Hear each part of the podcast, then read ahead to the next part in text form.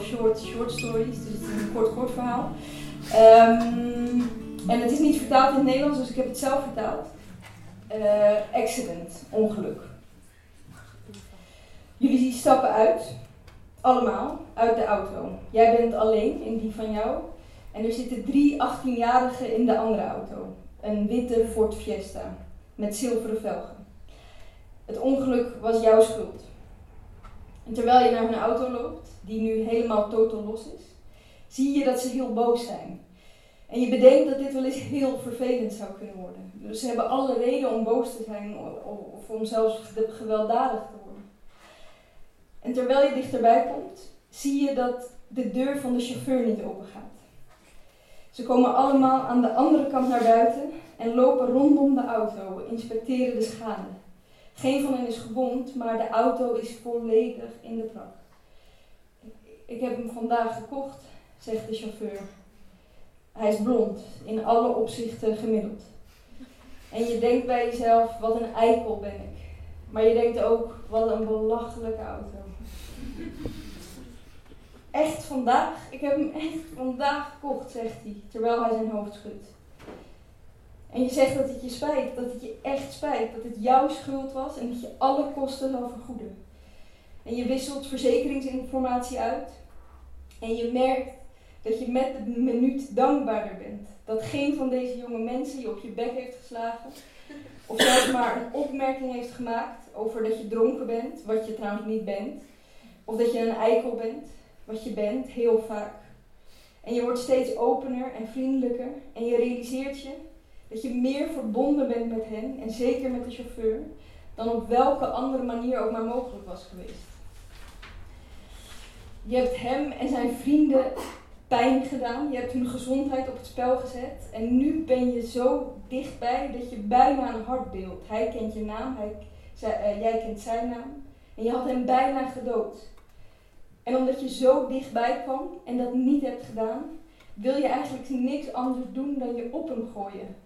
Huilend, snikkend, omdat je zo eenzaam bent. Altijd zo eenzaam. In alle vormen van verbinding is verbinding.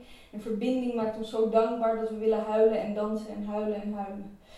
En in één moment van totale helderheid begrijp je eindelijk waarom boksers, die elkaar zo graag pijn willen doen, hun hoofd na een wedstrijd op elkaars schouders leggen. Tegen elkaar kunnen leunen als vermoeide geliefden. Extreem dankbaar voor één moment van vrede.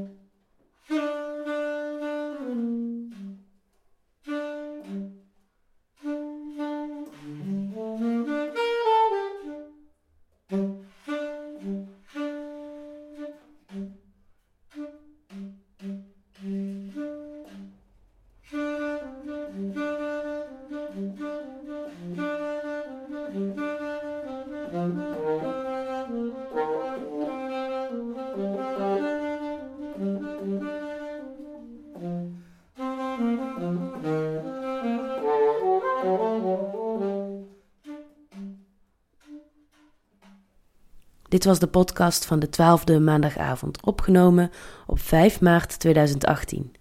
U hoorde een tekst van Rebecca de Wit. De muziek was van Erik Bogaerts. Ik, Xandri van de Wesselaar, heb het opgenomen en gemonteerd.